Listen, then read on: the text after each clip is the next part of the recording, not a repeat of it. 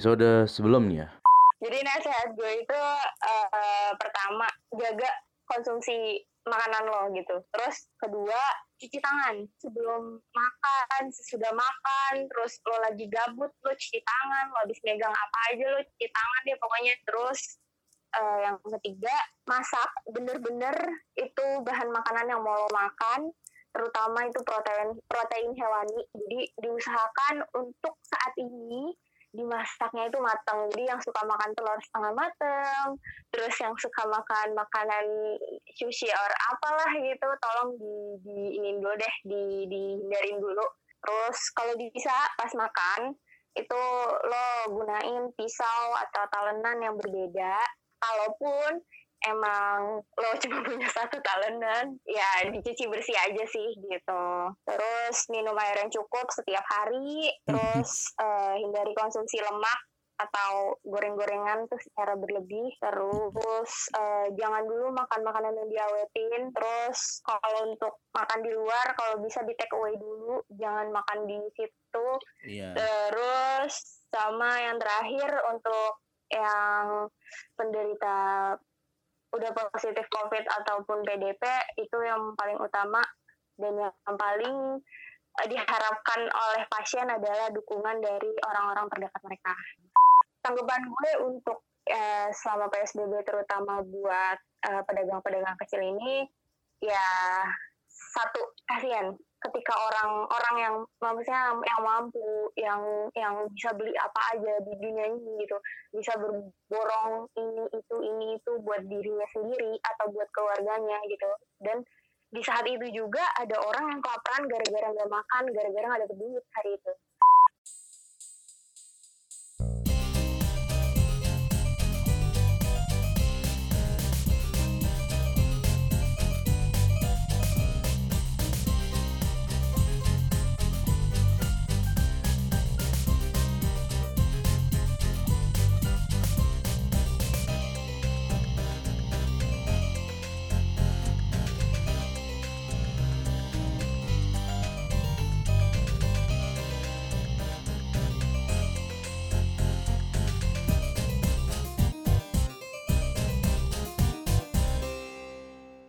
Berarti hitungannya apa ya? Iya. Kalau misalnya hitungannya nih dari dari segi gizi, dari segi gizi berhubungan dengan puasa. Nah, lu ada menu atau mungkin yang bisa kayak orang-orang puasa yang bisa menjaga imunitas tubuhnya dalam situasi beginian gitu. Ini kita maaf kata mengesampingkan dulu sebentar ya yang kayak tadi kita udah bilang bahwa mm. uh, orang-orang yang ekonominya di bawah gitu? Um, kalau pas puasa pasti anjuran pertama yang akan gue bilang adalah minum air putih yang cukup pasti. Kalau yang namanya puasa kan pasti lu uh, selama puasa nggak makan nggak minum kan. Jadi diusahakan selama dari waktu berbuka sampai nanti waktu uh, sahur diusahakan itu minum itu yang cukup gitu kalau anjurannya emang 8 8 gelas sih per hari tapi terserah lo mau minum segalon dua galon bebas gitu yang penting lo menjalankan yang yang minimumnya ini gitu terus hmm. uh, untuk apa ya makanan berbuka itu gue saranin jangan makan makanan yang uh, goreng-gorengan terus pedes gitu karena kan selama kita puasa uh, apa ya kalau misalnya setelah buka langsung dihantam gorengan atau pedes itu bakal micu uh, sakit tenggorokan batuk kayak gitu biasanya. Karena kan kita kan emang emang nggak minum ya gitu. Jadi tenggorokan itu pasti kering terus ditambah lo buka terus lo makan berminyak atau berlemak ya udah makin jadi tenggorokan mentat gitu. Terus uh, kalau bisa pas buka puasa itu minum yang manis-manis dulu. Kenapa? Karena kan selama puasa gula darah lo itu rendah ya kan? Jadi ditingkatinnya itu dengan makan makanan yang manis. Makan makanan yang manis itu bisa lo dapet dari buah gula gitu. Terus atau kayak dari kue-kuehan gitu. Pokoknya kalau bisa jangan langsung uh, pas langsung nasi gitu. Kalau bisa sih jangan gitu. Soalnya kan takutnya uh, badan lo juga kaget gitu. Habis puasa dari subuh ke maghrib tiba-tiba langsung dihantam nasi itu takutnya uh, organ-organ lo di dalam ini shock gitu pas dapet nasi jadi kalau bisa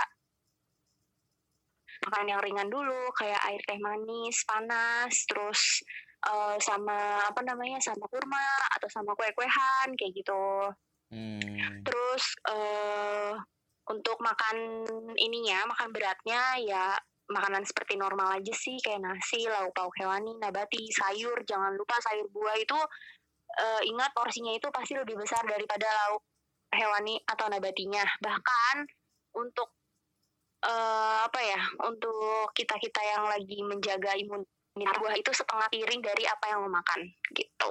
Sebenarnya sih kayak buat puasa nggak puasa kalau bisa lo makannya bener-bener uh, sayur sama buah itu yang utama gitu bisa juga kayak yang nggak usah yang berat-berat snack-snack kecil aja snack-snack yang bikin mulut lo kerja aja gitu apa kek apa kek gitu kayak kue atau apa aja gitu yang yang lo rasa berarti kayak itu pilus gitu kan kecil, gitu. pilus gitu. atau makan kayak kacang-kacangan Iya boleh sih pilus, tapi nggak disarankan untuk MSG-nya, Bana.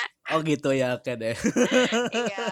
Yang kata lo makanan-makanan iya, kecil, makanan kayak, kecil ya itu kecil ya, kan? makanan, ya itu kecil bentuknya, bukan porsinya. Maksud gue kayak makanan-makanan kecil kayak kebab atau apa kek kayak serabi kan banyak kan kalau malam-malam kan lah serabi kebab kebab bukannya enggak. gede ya Iya kan ada yang kebab kecil lo gimana sih Ya maaf, kan gue belum pernah makan ya.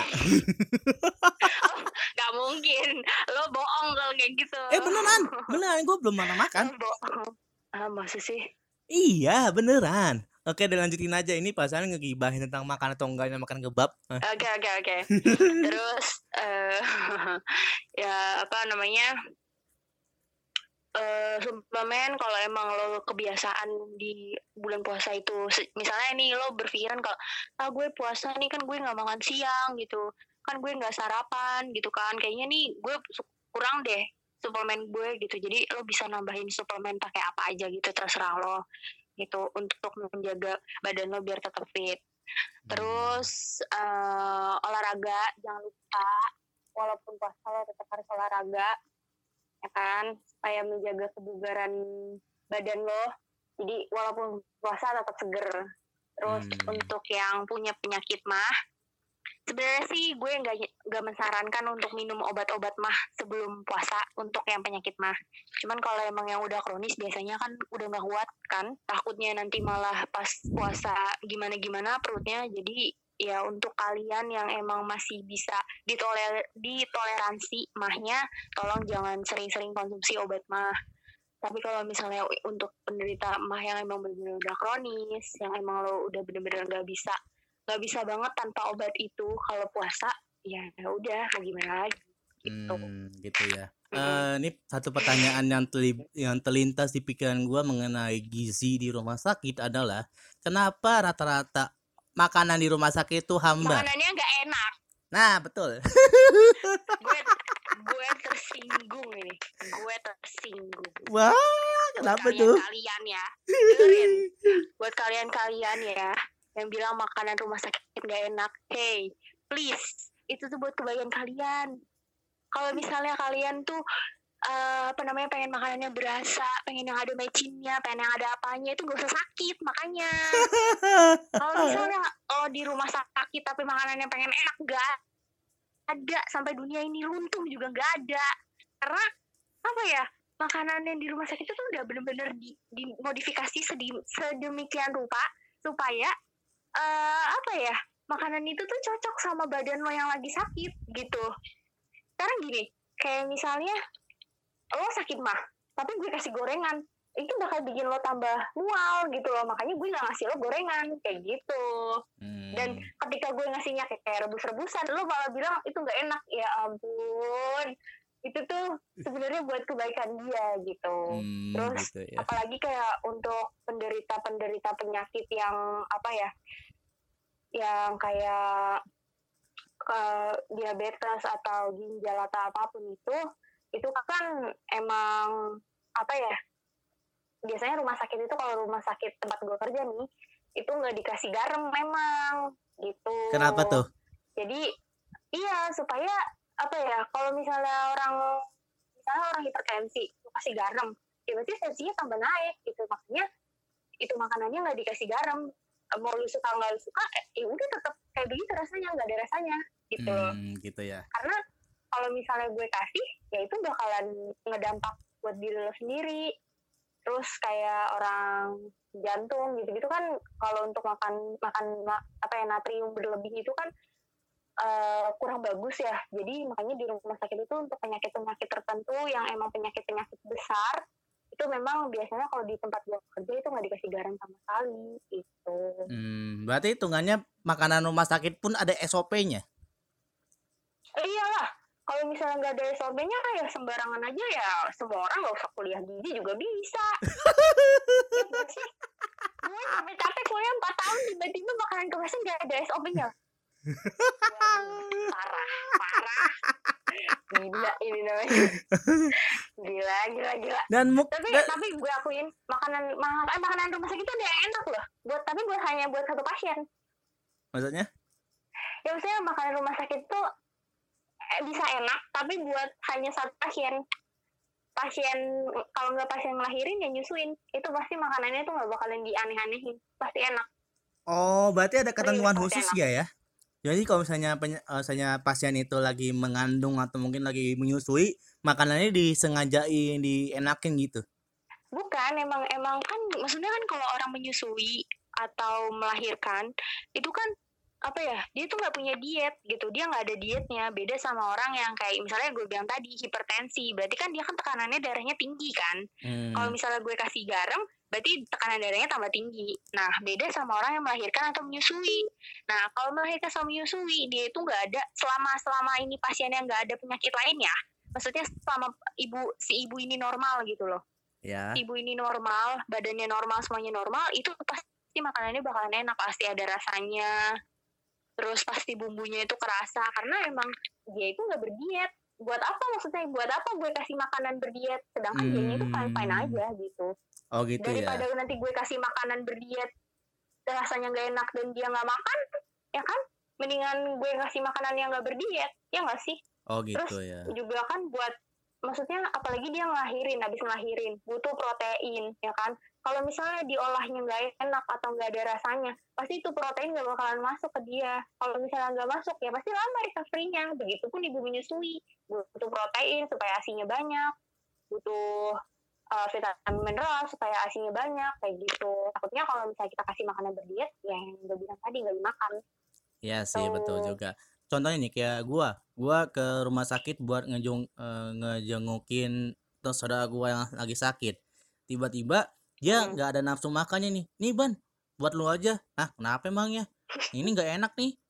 Kayak ah nggak mungkin kayak uh, uh, lagi nggak nafsu makan atau mungkin kayak dia kan biasa biasanya kan biasanya kan ada dikasih bingkisan lah kayak roti atau atau kayak mana gimana kan.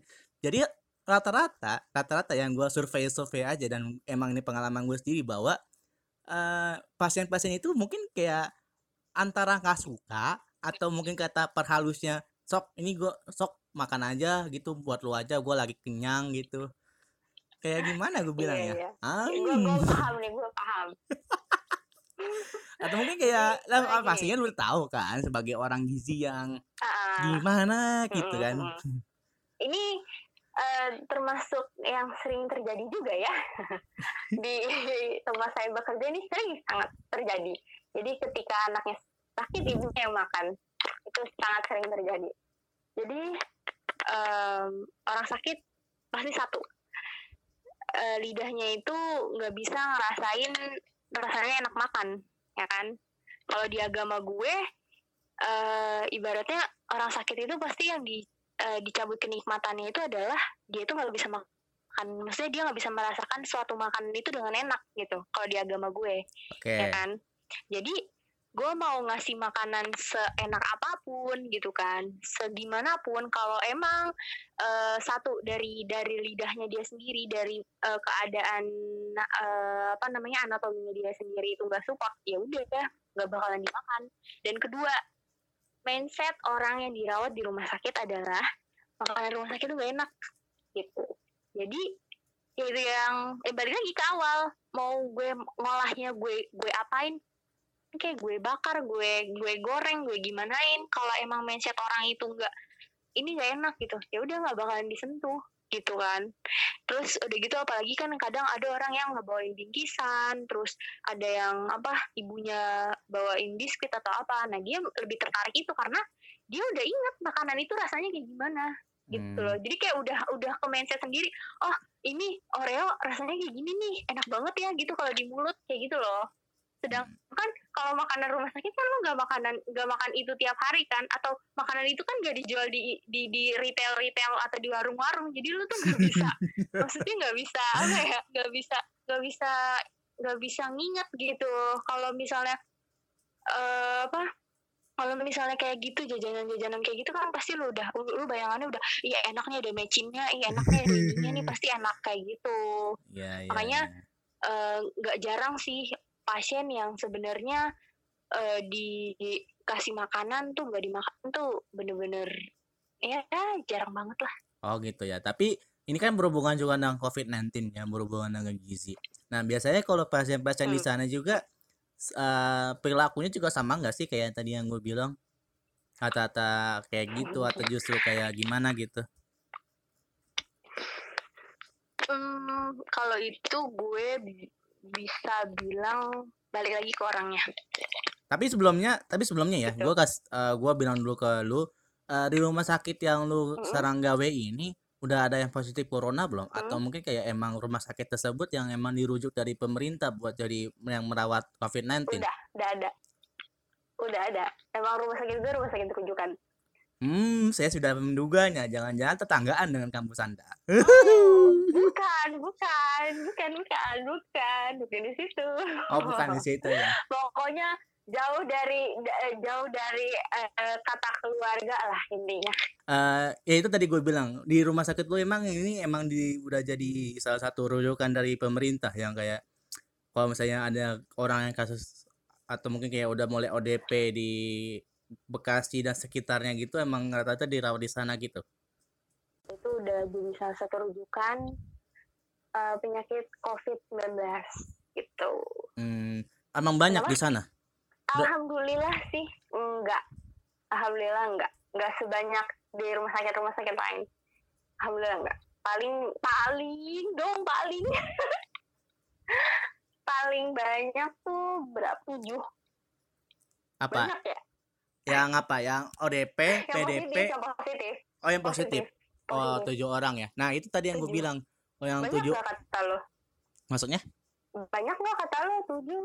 Tujuh lumayan lah ya. Ini maksudnya pasien ini rata-rata emang dari Bekasi, apa yang dari Jabodetabek, apa gimana? Bekasi, rata-rata Bekasi.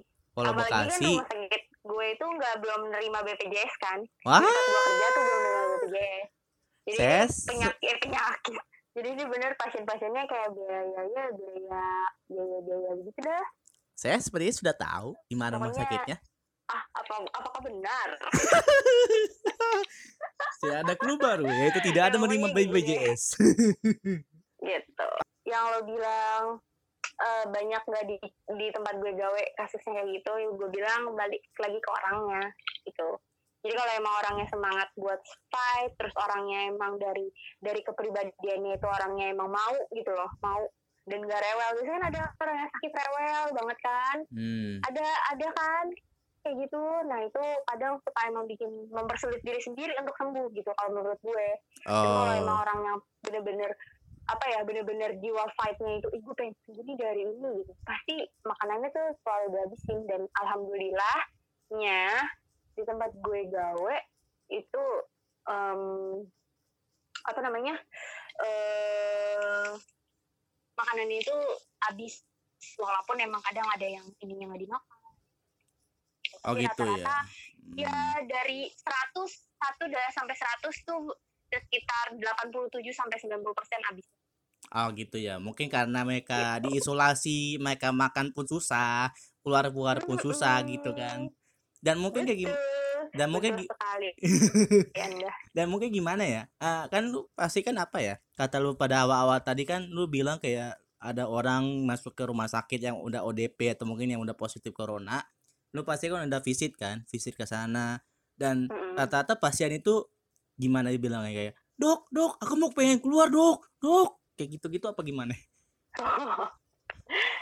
Kalau uh, dari yang gue temuin ya misalnya dari yang gue lihat dia tuh nggak ini sih maksudnya nggak nggak yang rewel kayak ih saya pengen pulang aja nih gara-gara corona gitu nggak nggak kayak gitu. Jadi dia kayak lebih siap untuk oh ya udah gue kena gimana caranya gue nggak nularin gimana caranya gue, uh, gue sembuh terus gimana caranya uh, gue di sini tuh bisa cepet apa ya cepet inilah cepet-cepet beradaptasi. Kadang kan ada yang isolasi sendiri itu kan sepi ya. Apalagi kalau isolasinya tuh lo lo dalam keadaan sadar gitu loh. Itu kan pasti gabut parah itu gue yakin banget.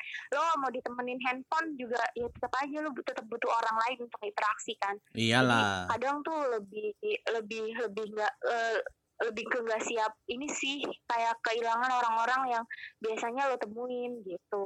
Hmm. Se introvert introvertnya paling, orang pasti mereka butuh apa ya orang-orang buat uh, interaksi lah ya. Gitu. Iya Jadi sih. kadang pasien eh, pasien-pasien yang kayak gitu tuh sebenarnya kayak ya berarti saya sendiri dong gitu. Lebih ke situ sih. Dan rata-rata untuk pasiennya sendiri kalau misalnya dari penglihatan lu atau mungkin kayak gimana sama lu visit rata rata-rata usia mereka itu emang tadi benar nggak sih kata gue yang rata-rata manula atau mungkin kayak semua semua oh. kita pun oh. ada juga yang terkena begituan di rumah sakit mm -hmm. yang lu gawe?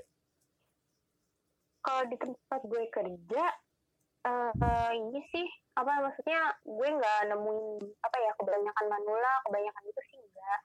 Jadi dari dari tujuh itu ya yang manula cuma dua, sisanya ya masih ibu-ibu, bapak, terus ada juga yang kayak punya penyakit sebelumnya gitu. Enggak maksud gua apa untuk renta um, misalnya kayak usianya gitu apakah mereka oh, manula? gitu. Bukannya penyakitnya, hmm. ngapain kita bahas tentang penyakitnya? Umurnya ya rata-rata sekitar 40 sampai 50-an lah. Paling banyak ya. Dari tujuh itu paling banyak. Tapi ada nggak kayak semuanya kita? Sumuran seumuran kita di atasnya ya ada. Oh, beda-beda tipis ya. lah ya. Sebelumnya sebelum kita taping ini kan lu sempat nyatet-nyatet kan. Nah, mungkin ada catatan-catatan lu yang belum disampaikan, yang pengen lu sampaikan gitu. Apa mungkin kayak di luar apa tuh kayak di topik-topik tadi itu ada yang pertanyaan yang gua belum gua utarakan ke episode kali ini gitu. Oh, enggak sih maksudnya ya catatan gue rata-rata udah udah gue keluarkan semua emang lu nyatet apaan emang? Gitu yang poin-poinnya. Ya banyak. Nggak banyak sih. Ah. nggak banyak cuman yang takut. Ya lo lo nanya maksudnya gini takutnya lo nanyanya secara ilmiah banget gitu kan. Ada ceritanya uh, biasanya orang obes itu lebih rentan terkena covid gitu kan. Lo siapa tahu lo nanya kayak gitu jadi gue harus ya nggak apa-apa nggak apa-apa nggak apa-apa nggak apa-apa. Biar apa siapa tahu kan dapat apa ya kayak pengetahuan kan. Soalnya kan ini hitungannya kan gue berhubungan dengan bisnis kan berhubungan dengan IPS bukan tentang kesehatan ya. neng jadi kan gue berhubungan oh dengan situ aja Oh my god. nah, jadi yang lu bilang kayak tentang kesehatan itu gimana? Isu-isu kesehatan sekarang kayak senang-senang kayak gini yang lu catat ini gimana sih, Bosok? Uh, jadi kalau dari gue nya kayak uh, peran status gizi, peran status gizi itu penting. Jadi ketika lo punya uh, status gizi yang bagus gitu kan, yang sesuai dengan uh, IMT normal. IMT itu indeks massa tubuh normal ya. Jadi sesuai IMT normal, jadi pertahanan apalagi ditambah sama asupan gizi lo itu bagus, pasti pertahanan tubuh lo itu akan bener-bener kuat gitu. Sebenarnya tanpa lo minum suplemen, kalau lo emang udah sehat dari dari sananya gitu, maksudnya IMT lo bagus, terus lo asupan gizi juga bagus gitu kan. Terus lo mau menjalankan hidup sehat gitu PHBS olahraga segala macam insya Allah tanpa vitamin tanpa vitamin-vitamin itu yang susah dicari di luar sana ya insya Allah lo akan tetap terjaga gitu. Hmm. beda lagi urusannya sama uh, kayak orang kurang gizi atau kayak orang yang emang punya apa ya kan ada orang yang kayak uh, imunnya lemah gitu kan ada kan yang kayak gitu. Iya betul. Nah itu pasti pertahanan tubuhnya juga lemah dan lebih gampang terinfeksi dan cara pencegahannya ya itu balik lagi ke awal makan makanannya bergizi karena yang pertama itu pasti dari makanan itu. Terus yang kedua uh, IMT atau indeks masa tubuh berlebih pasti itu uh, menyebabkan peradangan berlebihan ya kan? Terus uh, ketika lo lebih lebih tersiko ber lo lebih beresiko terkena peradangan itu itu lebih rentan terinfeksi gitu. Nah ketika lo udah uh, tubuh lo itu udah nggak balance antara ya lo mau yang mana dulu nih yang mau di balance yang mau diseimbangin itu ya di situ lo dapet eh maksudnya di situ lo bisa terserang gitu. Malah mungkin bisa jadi ke penyakit lain gitu. Dan emang rata-rata penyebab penyakit di Indonesia kan gara-gara kegemukan kan. Jadi kayak diabetes awalnya dari kegemukan jantung bisa apa awalnya dari kegemukan kayak gitu. Jadi sebenarnya uh, kalau emang lo apa ya uh, emang untuk berbadan-badan yang agak-agak sorry banget nih yang agak agak gemuk tolong olahraganya lebih intens turunin berat badannya gitu kan. Jadi ketika nanti uh, yang lo udah normal asupannya juga bagus ya udah di sehat walafiat gitu. Hmm, berarti pada intinya walaupun yang kata orang orang gemuk itu masa tubuh atau kayak imun tubuhnya justru lebih kuat itu tadi kata lu justru hmm, paling rentan eh, apa tuh kayak rentan buat kena iya. COVID-19 itu justru ya, ya? Iya, karena uh, uh, karena dia bingung gitu loh. Jadi kan kalau kalau orang gemuk itu kan lebih rentan kena pneumonia kan. Jadi kalau untuk ini ini dampak ke COVID ini ya. Itu kalau dari yang literatur yang gue baca uh, si apa namanya si si obesitas ini emang emang ini banget ngaruh banget sama uh, rentan terkena pneumonia gitu. Soalnya kan dia itu bentar dia itu kan uh, ini ya apa namanya orang gemuk kan kadang kan uh, nafas itu kan kadang suka susah ya ya kan? Terus juga uh, apa namanya dia juga bisa uh, obesitas itu bisa mengubah fungsi kekebalan tubuh gitu. Ya terus terus hmm, lo gue lupa. Hmm, berarti hitungannya lu nyatet tentang gibahannya tadi itu hitungannya. Iya gue lupa langsung komplain anjir. Lu sih gak pakai siap-siap. Ah. ya pokoknya intinya itu dah. Intinya ah. itu. Ah hitungannya gitu intinya, aja ya uh, uh, ya pokoknya gitu. Nah. Pokoknya intinya lu nanti lokat aja pokoknya yang gue udah ngadet-ngadet Oke deh.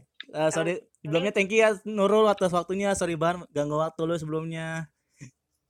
Gak apa-apa, makasih juga. Terus uh, ini ya buat di luar sana yang uh, yang ngedengerin podcast podcastnya Bana, kalau emang dia kebetulan ahli gizi atau mungkin dokter atau mungkin lebih expert dari gue, tolong kalau misalnya ada yang salah dikoreksi. Terus uh, apa ya namanya namanya juga sama-sama belajar kan. Yeah. Terus juga um, ya namanya juga manusia balik lagi tempatnya salah ya kan? Jadi mohon maaf kalau emang ada yang salah terus ada kata-kata yang menyinggung. Oke okay, thank you Nurul sorry banget ganggu waktu lo. Soalnya takut takut keganggu juga nih zoom. Kata lu kan dua kamera sekaligus kan gini. Lah sorry, sorry eh, santai aja sih. Pokoknya uh -huh. mah buat dana mah beres deh ah. ya enggak ban